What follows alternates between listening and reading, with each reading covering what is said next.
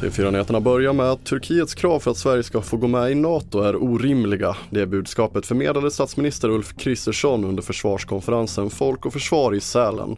Kristersson var även tydlig med sin förhoppning om att Sverige kommer att skicka vapensystemet Archer till Ukraina, men om det kommer i nästa stödpaket eller inte är oklart. Vi kunna diskutera framåt och tycker det här är väldigt, väldigt spännande och väldigt, väldigt viktigt för, för ja, en gång i tiden hette det gamla totalförsvaret, samhällsförsvaret kanske vi ska kalla det numera. Och det är någonting som, som vi alla jobbar på. Och, eh, som världen ser ut nu så måste vi ta det här på största allvar. I inslaget hörde vi kung Karl XVI Gustav inför konferensen. Vi fortsätter med att Frida Karlsson vann Tour de Ski som första svenska på 15 år men det blev en dramatisk avslutning då svenskan kollapsade efter monsterbacken. Prisceremonin skedde utan Frida Karlsson som fortfarande återhämtar sig efter loppet men strax senare lämnar hon arenan till fots för att fortsätta återhämtningen på hotellet.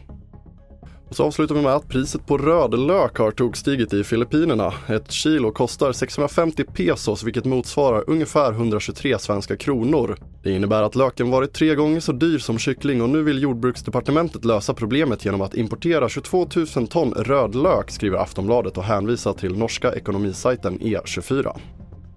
Fler nyheter hittar du på tv4.se. Jag heter André Metenen Persson.